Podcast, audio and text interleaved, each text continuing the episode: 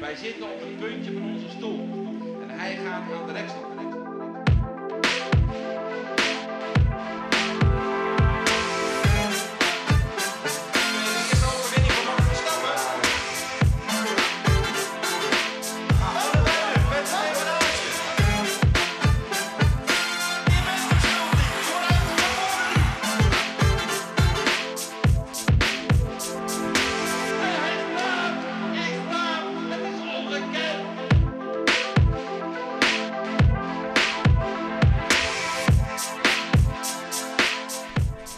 Johan Cruijff zei ooit: Als je wilt winnen, moet je lachend het veld op gaan.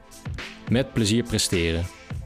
In deze podcast verzamelen we verhalen van mensen uit de sport met een idee over hoe je duurzaam kunt presteren of die aan de lijve hebben ondervonden wat de impact van plezier en het gebrek daaraan kan zijn. Ik ben Thijs Wagenaar. Uh, naast mij zit mijn collega sportpsycholoog bij Jaap, Tim Koning. Goed je er bent, Tim. In Ja, de staat waarin je er nu zit. Ja, Wil je daar nog wat over kwijt? Of, eh?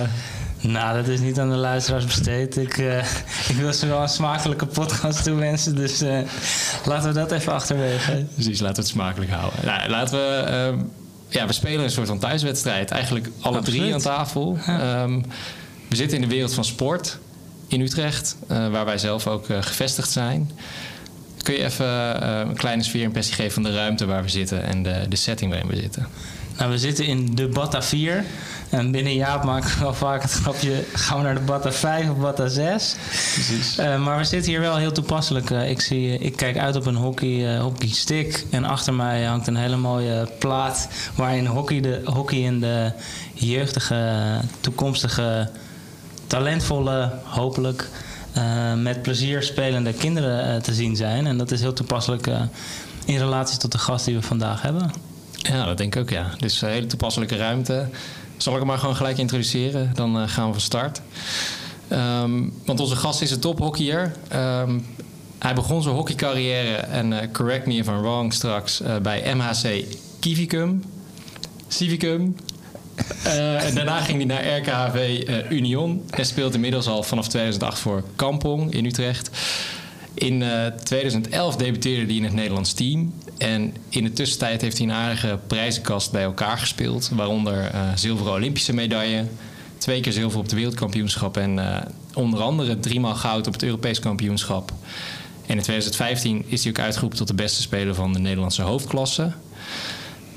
Uh, maar die carrière waar we het over hebben, dat is niet één kaarsrechte lijn omhoog geweest. Uh, kent ook wat dieptepunten, fikse dieptepunten. Um, wat hem niet vreemd is in ieder geval, is wat het vergt om weer terug te komen naar zware blessures.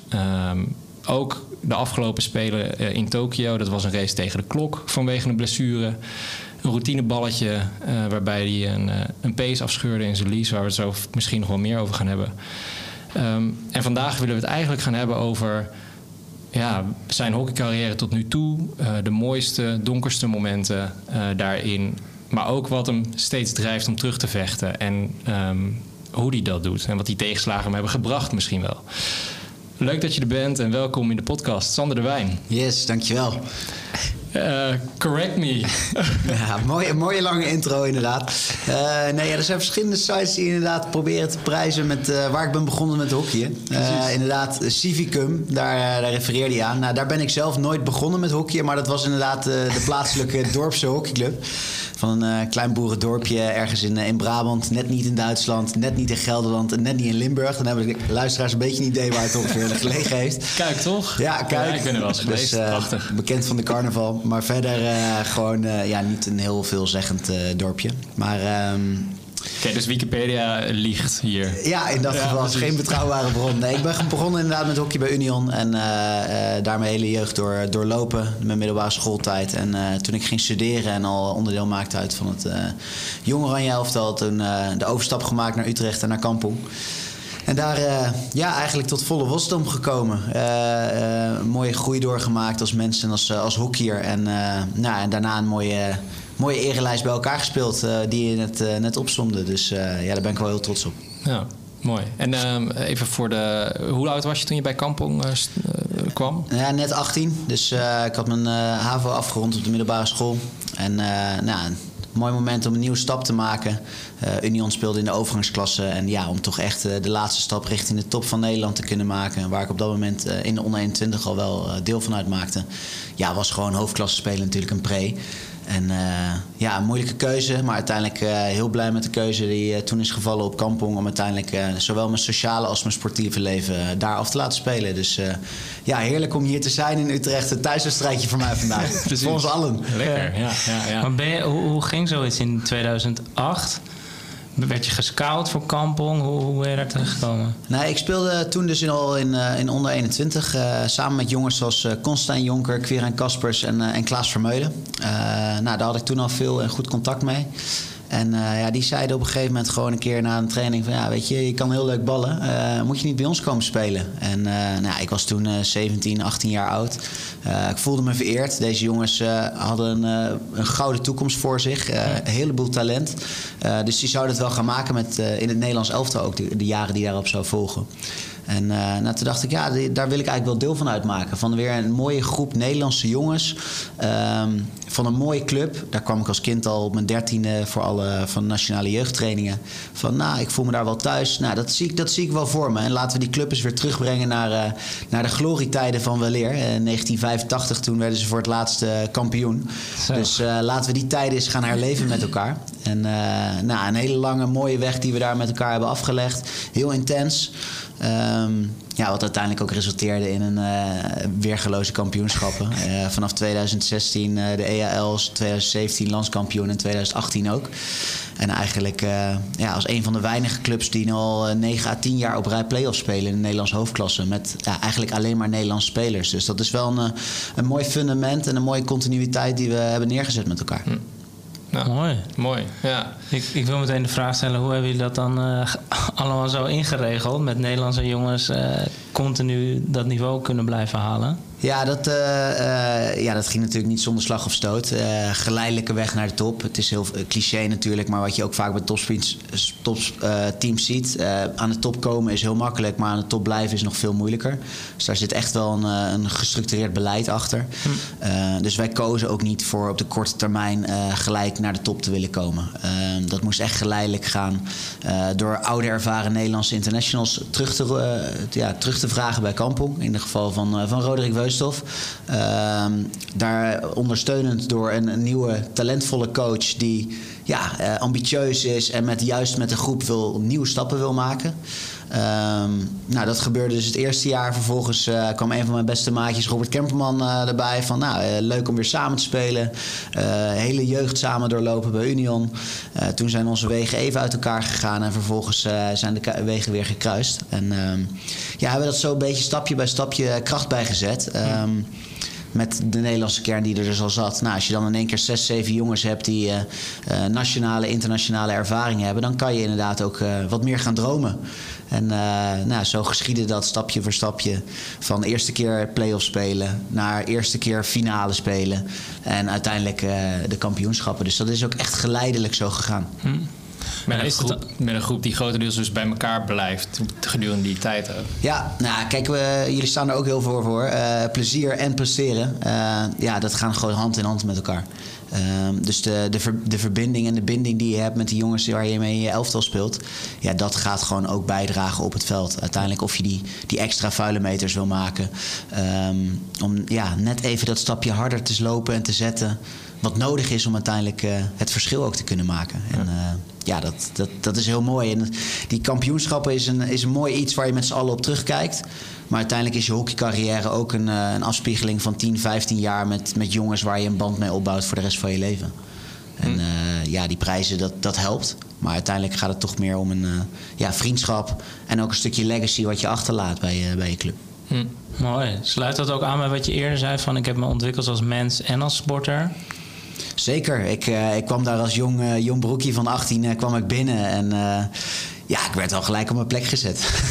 dat kunnen de, jonker, de heren Kaspers en Jonker absoluut um, ja, bevestigen. Hoe zag dat eruit dan? Nou, gewoon, ik was natuurlijk een jonge hond die overal voor in was. En die ging dus ook wel regelmatig op zijn bek. Eh, letterlijke zin. Dus van spelletjes uh, toep spelen voor een training. Van ah, die, de verliezer hiervan die moet met een frietje het veld oplopen. Nou, dat, ik verloor dat natuurlijk. En uh, Reinhard Wolf, de toenmalige coach, die keek me aan. Jongen, wat ben je nou aan het doen? We proberen toch een beetje topsport te ambiëren. Tot, nou, gewoon, vrij, gewoon vrijwillig, maar goedwillend erin stappen. En op die manier ook wel echt te leren. En uiteindelijk van, van jonkie, um, nou, basisspeler, opgegroeid naar bepalende speler. Aanvoerder geweest van de club. En uh, nu het stokje aan, uh, aan, het overdragen aan uh, de nieuwe generatie die ja, het, het, het voort moet gaan zetten. Want dat is toch wel een van mijn doelstellingen ook voor de komende jaren dat ik blijf spelen bij Kampel. Hm. Het, het voortzetten van de legacy, je moet zo maar zeggen. Iets wat ja, je achterlaat. Zeker. Een stukje traditie, een stukje cultuur, normen en waarden. Um, ja, goed, generaties verschillen nou eenmaal. Uh, andere dingen voor de jongere generatie Z worden ook weer belangrijker. Uh, maar ik denk wel dat een bepaalde uh, winnaarsmentaliteit of een cultuur wat, wat je wil uitstralen als team of als organisatie, dat je dat ongeacht de mensen altijd kan voortzetten en wat een belangrijk onderdeel kan blijven. Dus dat, daar probeer ik me hard voor te maken. Mm -hmm. Mooi. Mooi. Ja. Hey, voordat we verder gaan, hè, want volgens mij gaan we zo lekker de diepte in. Um, ja, onze luisteraars zijn allerlei mensen uh, uit de sport of geïnteresseerd in sport. Uh, niet alleen maar uit hockey, waar je waarschijnlijk wel bekend bent. Dus om jou iets beter te leren kennen, um, hebben wij een paar dilemma's opgesteld. Uh, en dat betekent dus dat je gaat kiezen. Ja, mooi. Zonder dat je het in eerste instantie mag toelichten. Dus dat is even belangrijk. Dus je kiest of ja of nee, eens of oneens, het een of het ander. En dan kun je daarna, gaan we, gaan we er dieper op in, mag je erop terugkomen. Maar in eerste instantie is het dus kiezen. Oké, nou spannend. Ik uh, ben heel benieuwd. Klaar voor? Ja. Ja? Oké. De eerste uh, is een leven met of zonder blessures? Met blessures. Een leven met blessures, oké. Okay. Topsport zonder plezier is als een auto zonder brandstof. Ja, eens. Spelen voor het Nederlands team is het mooiste wat er is.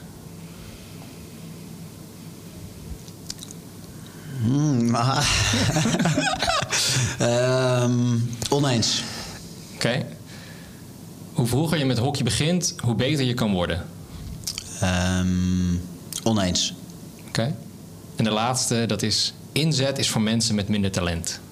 Die heb ik ook wel eens vaker voorbij horen um, ja, dit is wel heel zwart-wit hoor, jongens. Nou, in dat geval oneens. Oké, okay, top. Is er eentje waar je, waarvan je nu zegt van... nou, daar wil ik al even op terugkomen? Nou, ik denk dat we ze allemaal mooi gaan bespreken... en dat het interessante uh, discussies gaat opleveren, denk ik. Dus ik, uh, the floor is yours. Oké, okay, top. Ja, nee, eigenlijk wil ik uh, bij de eerste beginnen. een leven met of zonder blessures, zeg je... een leven met blessures. Ja, ja heel overtuigend. Kun je uitleggen waarom? Ja, nou, eigenlijk heel simpel. Zonder dieptepunten geen hoogtepunten. Uh, en ik, als je het hebt over veerkracht en terugkomen van een blessure in dit geval, dan zijn die hoogtepunten die, die beleef je gewoon vele malen intenser. als je ook aan ieder mens denk ik vraagt van wat zijn de mooiste momenten die je hebt beleefd, eh, dan wel sportgerelateerd of iets waar je heel hard voor hebt moeten werken, dan zal denk ik 80% van de mensen antwoorden van iets nadat hij een moeilijke periode of een moeilijke tijd heeft overwonnen. En ik denk dat het, uh, nou, in mijn geval geldt dat ook zeker zo. Dus uh, ik heb ook wel eens ge gezegd tegen jongens van... Uh, als je niet geblesseerd bent geweest in de topsport... dan heb je niet hard genoeg getraind. Want ik geloof er in die zin ook op dat je uh, af en toe over het randje heen moet gaan. Dat hoort gewoon bij, bij topsport. En ook bij een stukje adaptatie van je lichaam... dat je je grenzen moet verleggen. Om uiteindelijk er sterker uit te komen. Um, dus je moet ook die grenzen hier en daar durven opzoeken. Hm. Dus ik, ik ja, eerder leven met, uh, met blessures dan een, uh, dan een carrière zonder blessures. Want dan zal inderdaad misschien de stijgende lijn in één lijn naar boven zijn geweest. Maar ja, ik, ik geloof erin dat de pieken hoger zullen zijn als jij ook uh, met tegenslagen om leert gaan. Okay. Ook als echt als mens bedoel je dus? Ja, ik denk in, in de brede zin van het woord. Ja, zeker. Dus niet alleen topsport gerelateerd, maar ook in, uh, in je carrière. Ja. Uh, als je bijvoorbeeld spreken ontslagen bent geworden, uh, nou, dat, dat, is toch een soort van of een wake-up call voor je van dat je het rigoureus anders gaat doen, of een, een les die je eruit hebt geleerd. Um, ja, ik geloof daar wel in. En van welke blessure heb jij dan het meest geleerd? Want je hebt er een aantal te verduren gehad.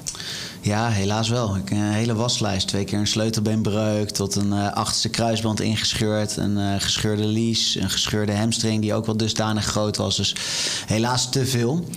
Uh, maar uit iedere blessure heb ik wel wat geleerd. De, de eerste keer gewoon om je emoties nou, ermee om te leren gaan. Je, je, je roept vragen over jezelf af van wat overkomt mij nou, waarom ik.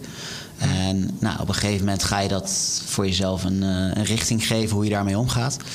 En de tweede keer bijvoorbeeld dat zoiets dan dus meer gebeurt, laat je dus minder snel uit het veld staan. En ontwikkel je dus ook een andere mindset waarin je gelijk hè, de koe bij de horens vat, de bokshandschoen oppakt en gewoon we gaan er het beste van maken. En uiteindelijk bij de, een van mijn laatste blessures heb ik wel echt geleerd, oké, uh, om er op een andere manier naar te kijken. Van, uh, een, een, mooie oefening die ik daar voor mezelf ook wel eens uh, in toepas bij, bij tegenslag is van... oké, heel vervelend dat dit me overkomt, dit is me gebeurd. Alleen, wat is de positieve kant ervan? Uh, simpelweg, ik raak geblesseerd in aanloop naar de Spelen. Nou, ontzettend vervelend in aanloop naar, uh, na corona. Ook nog eens waar je al een jaar extra effort aan het leveren bent. Nou, hoe kan ik dan hier iets positiefs uithalen? Dus iedere eerste reactie zou zeggen: nee, dat is er niet. Want de Spelen is de heilige graal en daar werk je hard voor. Maar tegelijkertijd, uh, ja, heb je in één keer wel een andere soort tijd. Kan je flexibeler je tijd indelen. Kan je weer mensen wat meer zien die je uh, minder vaak hebt gezien. Om toch een bepaalde um, waarde te halen uit die periode. In plaats van dat je dag in dag uit wordt geconfronteerd met het feit... met iets wat je niet kan. Hm. in dat geval je sportbedrijven. Dus uh, echt om op een andere manier ook te benaderen. Echt uh, het veelal meer om te keren. Ja. Mooi. Ja, want uh, nu heb je het volgens mij ook over die, die blessure richting Tokio. Ja, klopt. Um, daar, hebben we ook, daar is ook een documentaire van die periode gemaakt. Um, nog één keer alles heet volgens mij, hè? Klopt, ja. Een hele mooie documentaire. Team NL uh, heeft me een aantal dagen gevolgd in mijn revalidatie... in de aanloop naar de Olympische Spelen. Van nog één keer alles. En ja, zo heb ik hem voor mezelf ook benaderd... na de zoveelste zware blessure. Gewoon nog één keer echt gas geven... Uh, op de manier zoals ik het kan. En dat is gewoon all-in. Ja. Uh, en ja, dat is ook wel een van de kwaliteiten die ik daarin heb... om gewoon harder te durven trainen dan vele anderen. Ja. Uh, dat durf ik ook wel echt uit te spreken. En dat heeft me hier en daar misschien wat schade opgeleverd in het verleden in de vorm van blessures. Maar heeft me in deze situatie ook absoluut uh, geholpen om er sneller weer te kunnen staan en een bijdrage te kunnen leveren. Ja, dus, ja want ja. We, we, zetten deze ook sowieso even in de show notes. Dan kunnen mensen nog even terugkijken.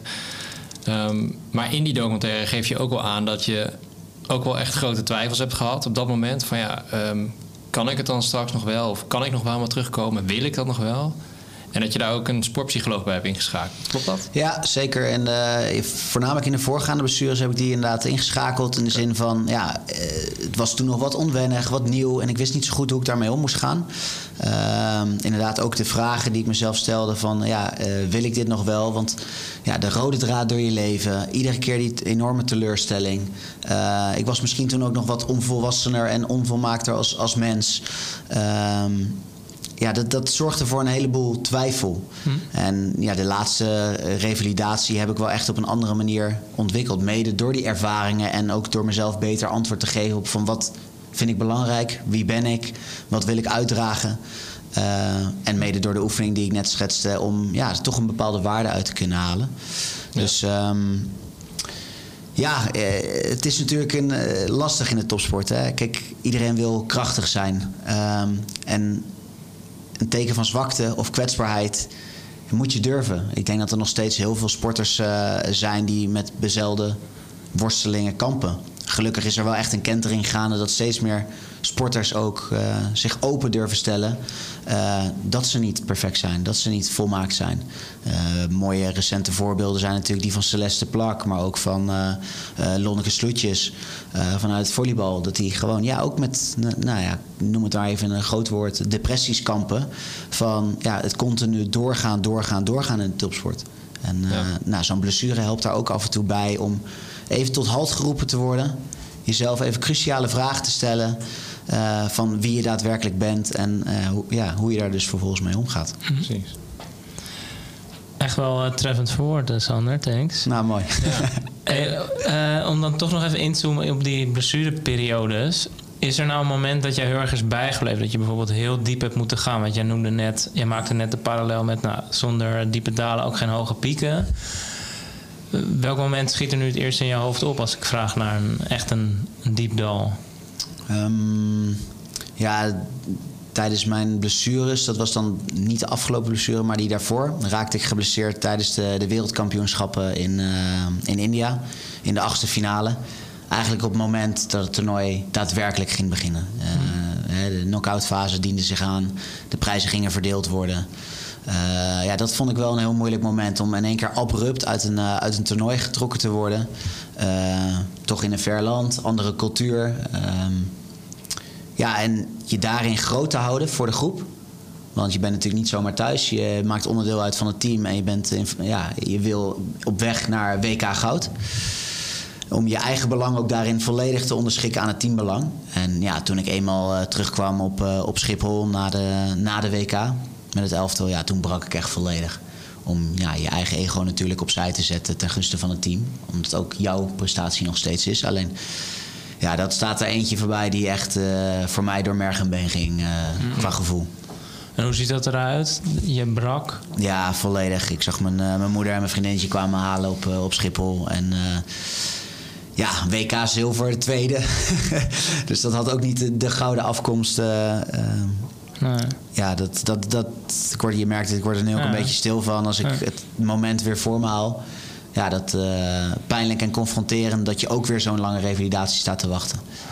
Ja, Ja. Hm. Thanks for sharing. Ja. Ja. En als we dan weer even terugkomen naar die, eh, naar die sportpsycholoog.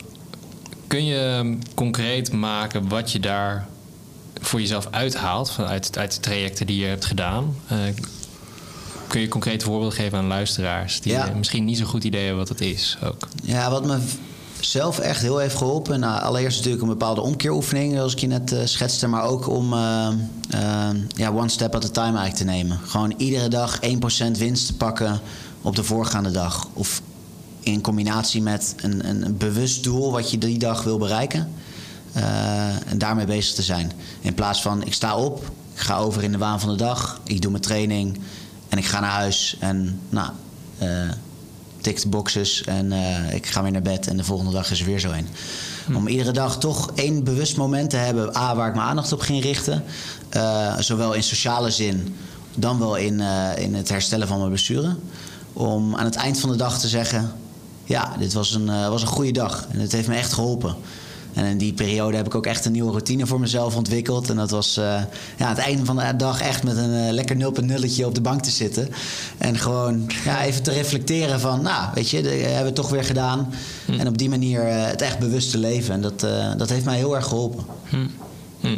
Dus ook echt wel, dus letterlijk ook bewust stilstaan bij wat je wel bereikt. Dus weer een beetje dat ommekeer ook van wat heb ik vandaag wel bereikt. Ja, zeker. Echt, eh, ja, dat zeggen ze natuurlijk ook wel in, in bepaalde wetenschappelijke onderzoeken. Hè. Eh, Iedere dag 1% winst boeken. En eh, aan het eind van het jaar heb je, heb je de, de, de overtreffende trap eigenlijk gecreëerd voor jezelf. Ja. Eh, want niet 1% plus 1% plus 1% is 3%. Nee, het is hè, 1% en daar komt weer de 1% weer extra bovenop. Dus dat de winst daardoor veel groter is.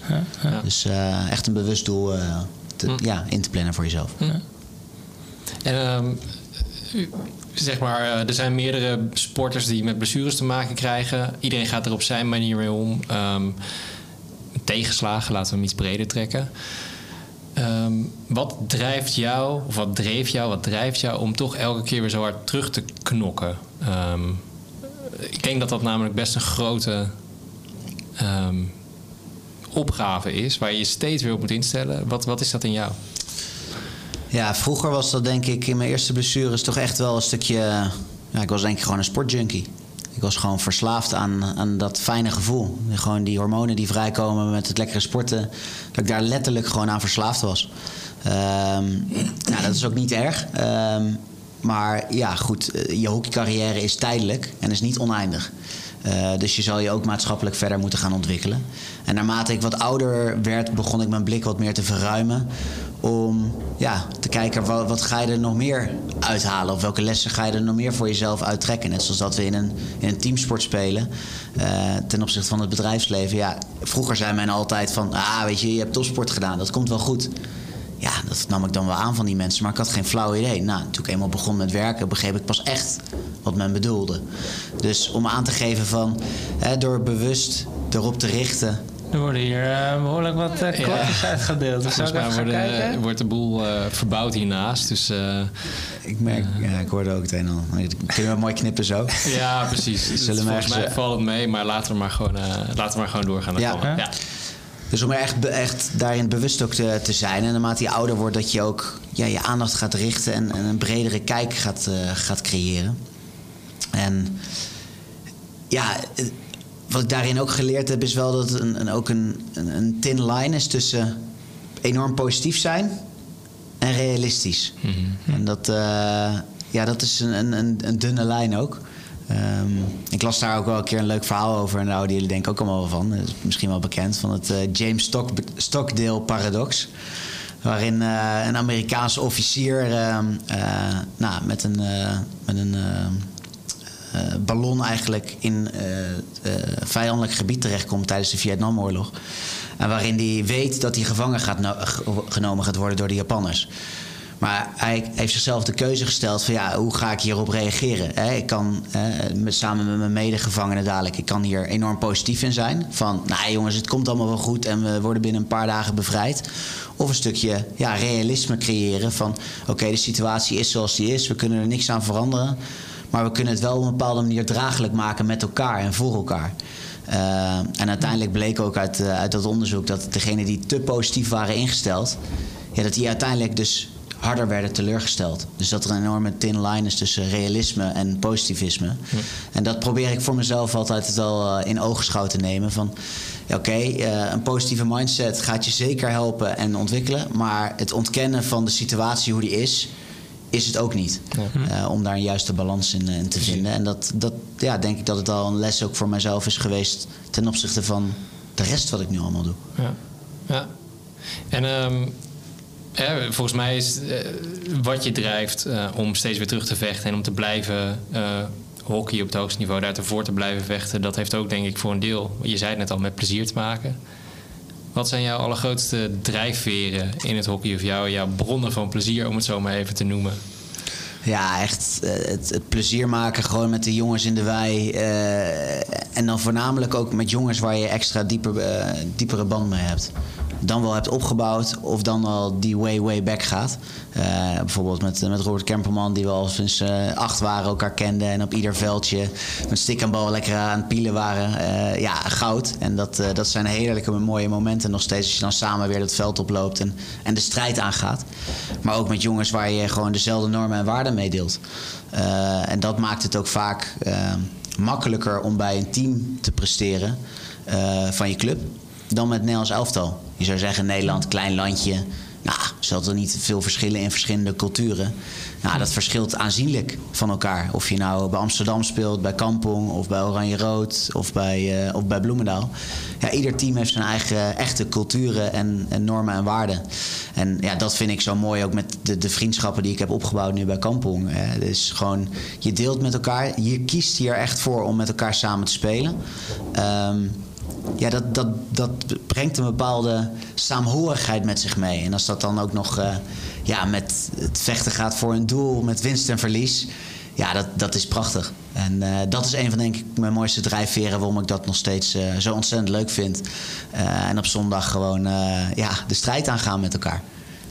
Dus echt dat samen, alles ademt samen dit doen. Dat is waar jij uh, de grootste energie uit haalt. Ja, zeker. zeker. En ook ja, wat mijn eigen rol veranderde. Van jonkie naar broekie tot uh, aanvoerder en nu bijna gepasseerde routinier.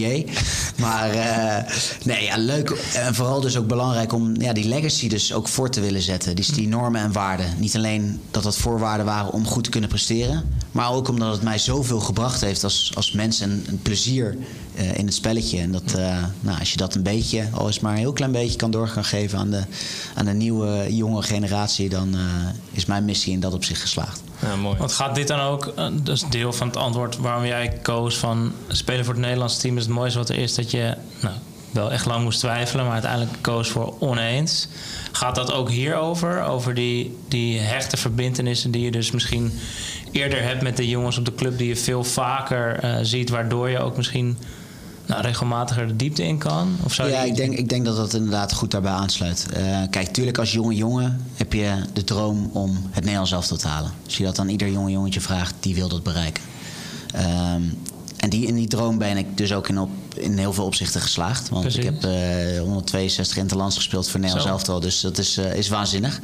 Ehm, maar dat is een individuele droom. Hm. Of eigenlijk gedachte. Eh, terwijl hockey is nog altijd een teamsport. Ehm, dus als je aan mij vraagt wat is het allermooiste.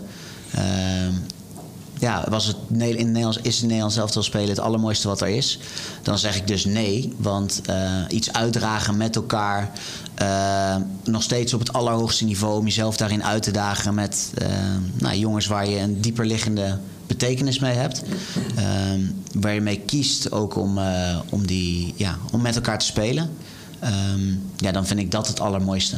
En, en dat wil niet per definitie zeggen dat club belangrijker is dus dan Nederlands elftal. Zeker niet.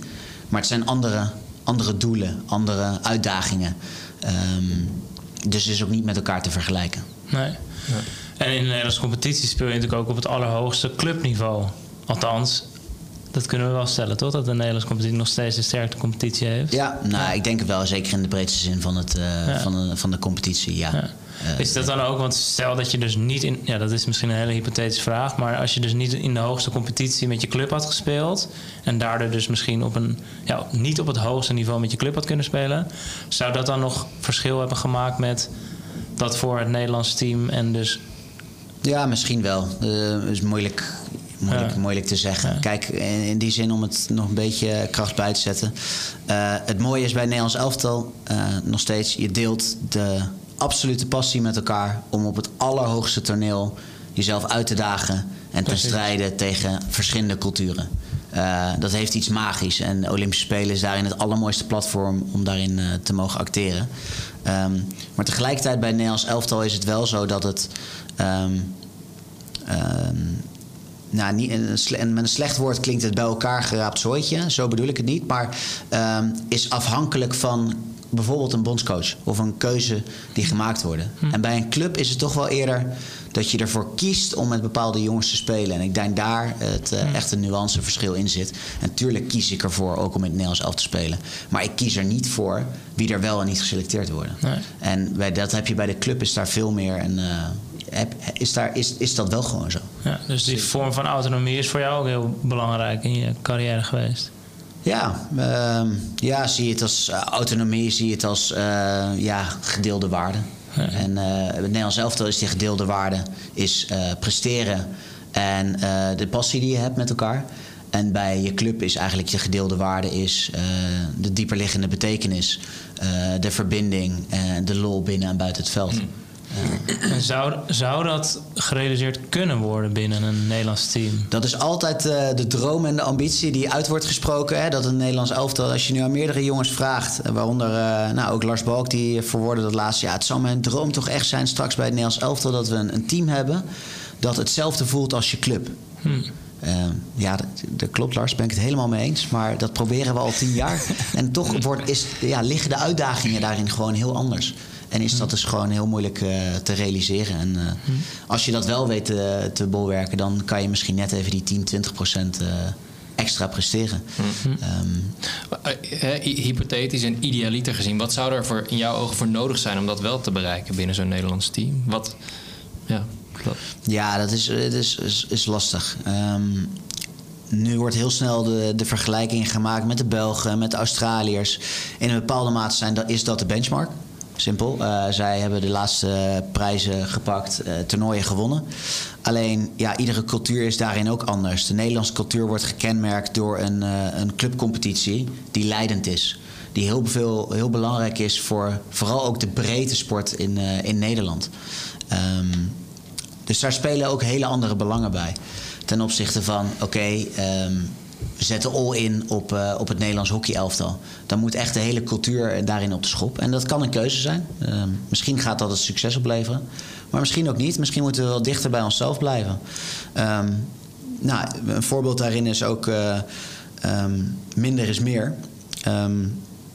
Wij zijn eigenlijk sinds eh, 2014 zijn wij eh, ehm, meer en meer gaan trainen. Ehm, ehm, Max Caldas eh, koos er toen ook voor om, eh, nou, vergelijken met de dames, daar kwam hij net vandaan. Jullie hebben 100 dagen minder getraind dan, dan de dames. En dus nou, er werd gelijk een standpunt ingenomen op drie dagen in de week naar Papendal. En nu, ja, zes, zeven jaar later, heb ik mijn bedenkingen erbij of dat, dat de juiste beslissing is om meer te trainen.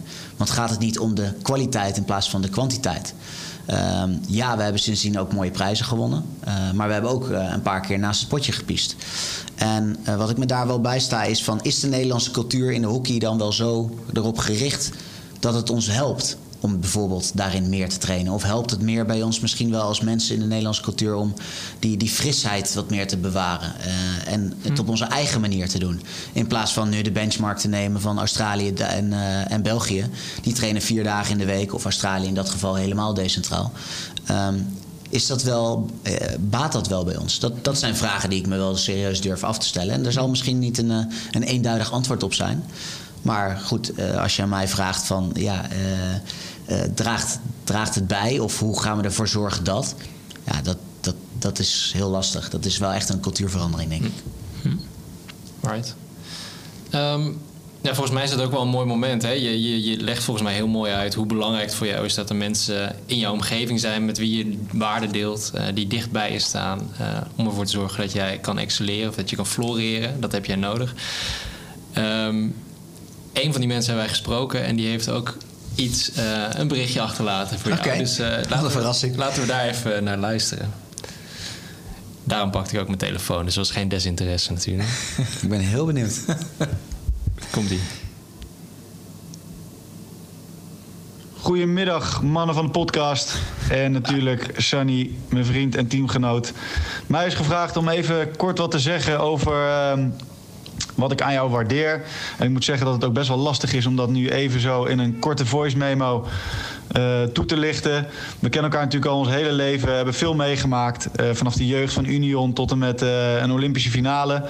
Ehm, ik denk dat wij elkaar ehm, zo goed kennen dat we echt eh, weinig woorden nodig hebben in het veld, maar ook buiten het veld om elkaar te begrijpen. Eh, daarnaast kunnen we elkaar ook goed in de kracht zetten, wat in ons team eh, zeker ook altijd wel van waarde is geweest en waar we ook veel prijzen mee hebben gewonnen.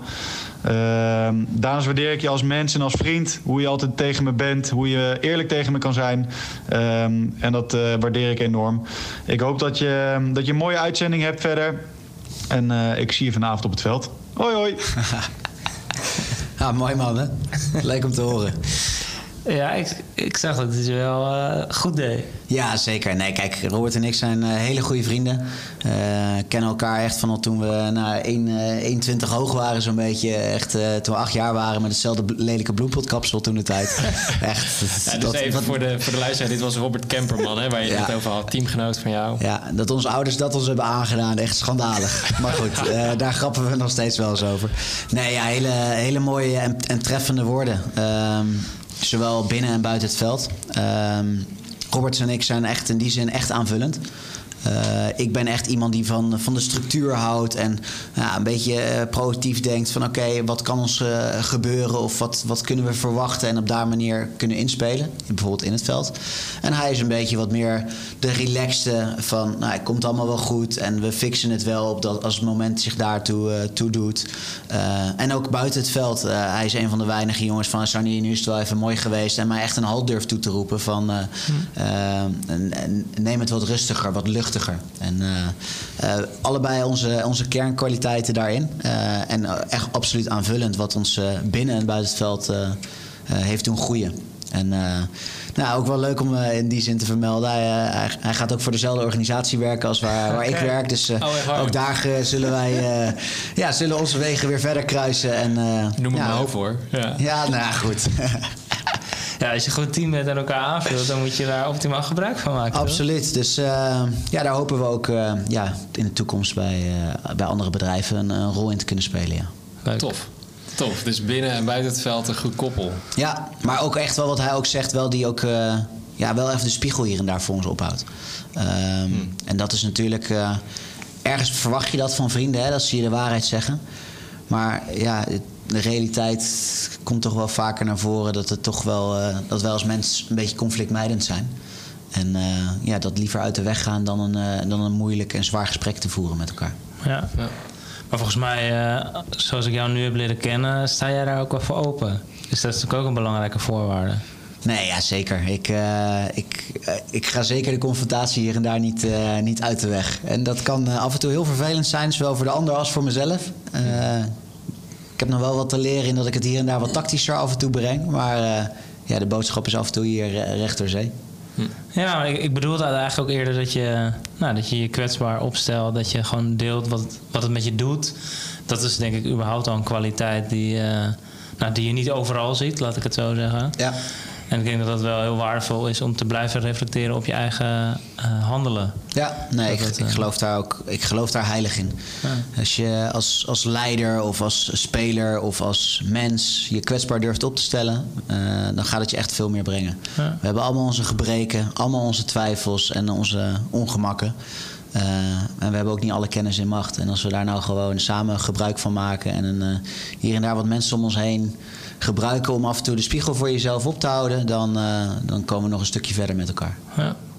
Ik wilde nog even terug, terugkomen op één stelling, eh, eh, of dilemma, sorry. Even kijken.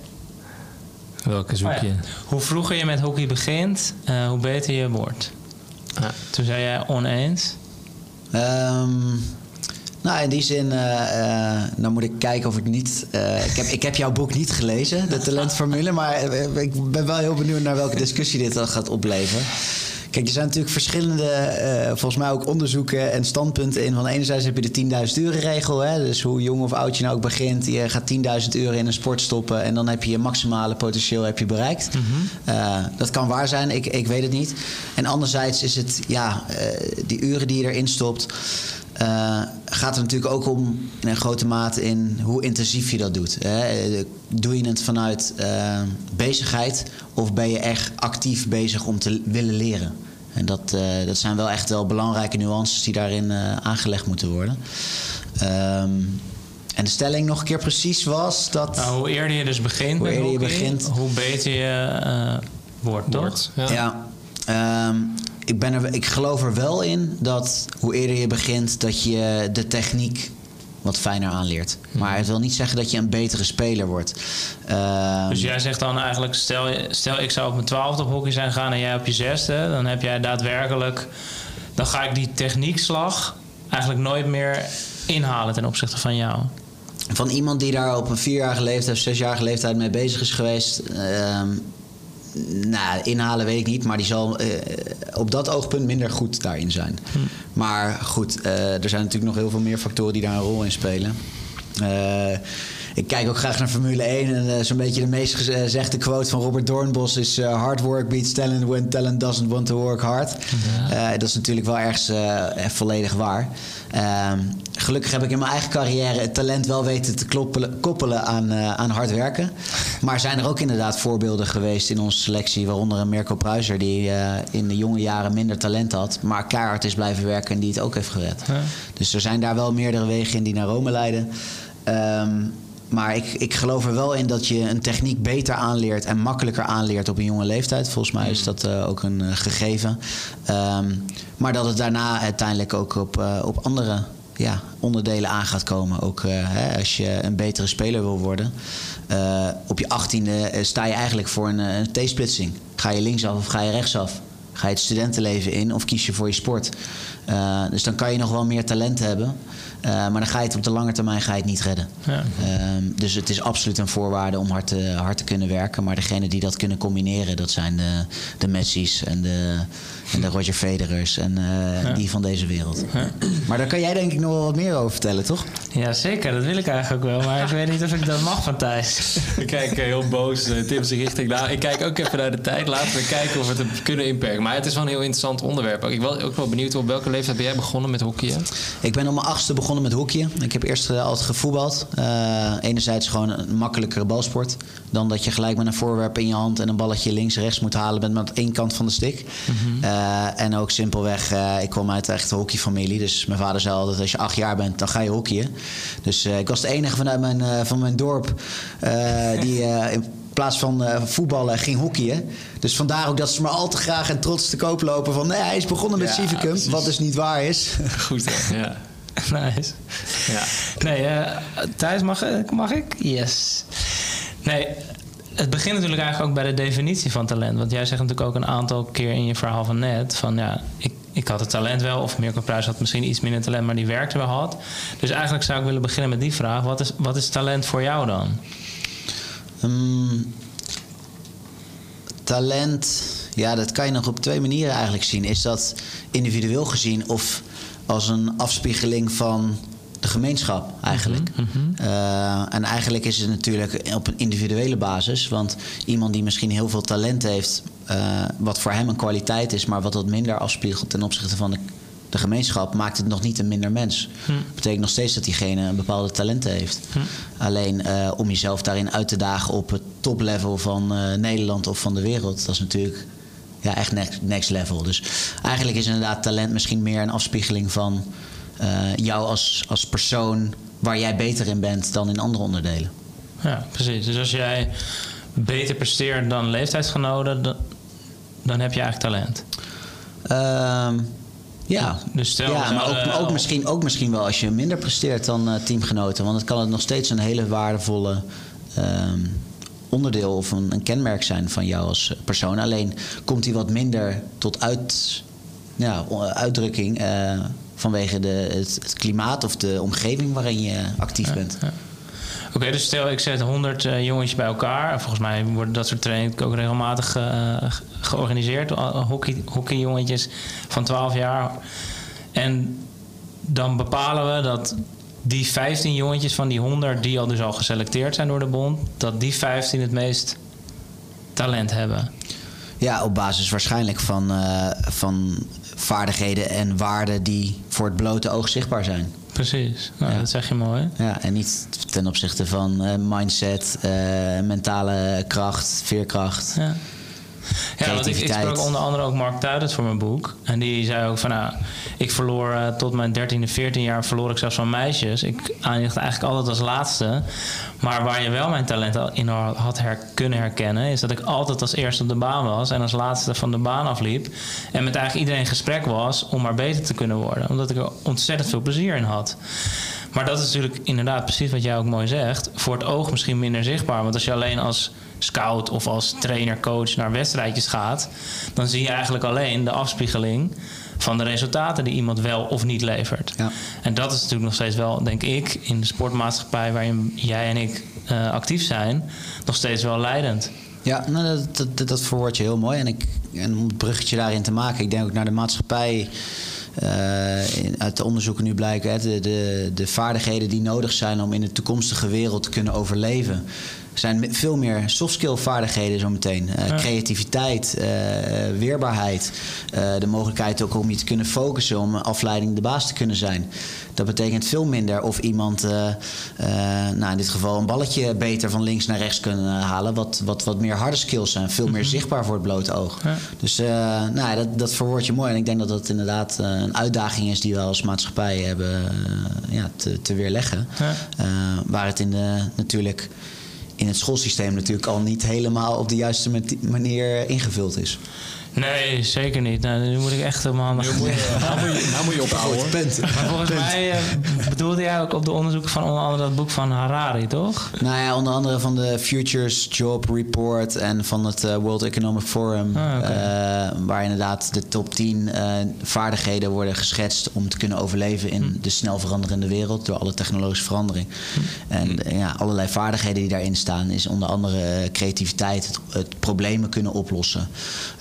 Eh, veerkracht, weerbaarheid. ehm, maar ook eh, ja, focus en omgaan met afleidingen. Ten opzichte van eh, banen waar je heel goed in moet zijn in de zin van ehm, administratie. Ja. Eh, ja, een, een, noem het even een eenduidige taak.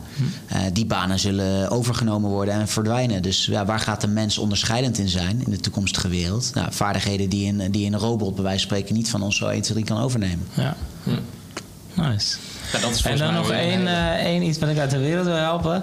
Federer is dus pas op zijn 14 begonnen met tennis. Ja. Maar heel veel, echt, echt heel veel mensen die ik spreek, die denken dat Federer inderdaad een, een, een- ja, die wordt natuurlijk ook wel de Messi van het tennis genoemd. Omdat hij natuurlijk, het oogt allemaal zo makkelijk, wil ik bijna zeggen. Maar hij heeft zelf ook wel aangegeven. Hij heeft echt volgens mij 15 tot 20 verschillende sporten in zijn jeugd gedaan. Tot aan zijn 14. En toen heeft hij uiteindelijk zelf de keuze gemaakt om tennis te gaan doen. Omdat hij dat de leukste sport vond. Ja. Nou, met alle gevolgen van dien. Dus Federer en, en Tiger Woods worden wat dat betreft door ons vaak tegenover elkaar gezet. Waar Tiger Woods natuurlijk vanaf zijn tweede al letterlijk op tv was en een balletje sloeg. eh, en door zijn vader natuurlijk echt gedrilled is om daar te komen waar hij uiteindelijk ook, ook is gekomen. Maar we weten inmiddels ook met welke ge- ja, gevolgen. Precies. Dat allemaal met, ook met zich heeft meegebracht. En aan de andere kant Federer, die natuurlijk nu nog op zijn veertigste over de... Nou, ik wilde bijna zeggen over de, dans, over de baan danst. Hij is nu geblesseerd al langer. Ja.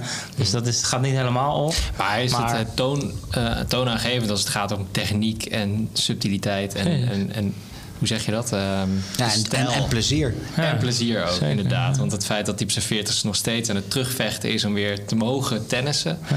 zegt denk Zo ik een zegt hij dat ook ja. Precies. Ja. Dus volgens mij, ja, en hier kunnen we volgens mij nog twee uur over, over eh, kletsen. Zeg Nou, even. langer hoor. Ehm, maar dat gaan we niet doen. Eh, ik heb eigenlijk ehm, afrondend nog één laatste vraag aan je. En dat is ook omdat eh, er luisteren een heleboel mensen, eh, ook hopelijk sporters, eh, die misschien wel ook aan het begin van hun carrière staan, of trainers die met sporters werken, die aan het begin van hun carrière staan. Ehm, jij hebt inmiddels een hele carrière achter de rug. Wat zou jij ehm, jezelf als 18-jarige broekie, binnenkomend bij Kampong, ehm, nou voor les willen meegeven met de kennis die je nu hebt opgedaan in, in al die tijd? Wauw. Ehm, Neem je tijd. Precies. En eh, denk hardop na, dat kan ook.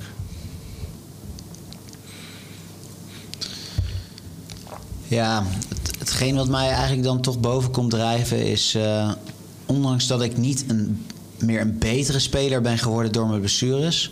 durf ik wel te zeggen dat ik een gelukkiger mens ben geworden. En hoe komt dat?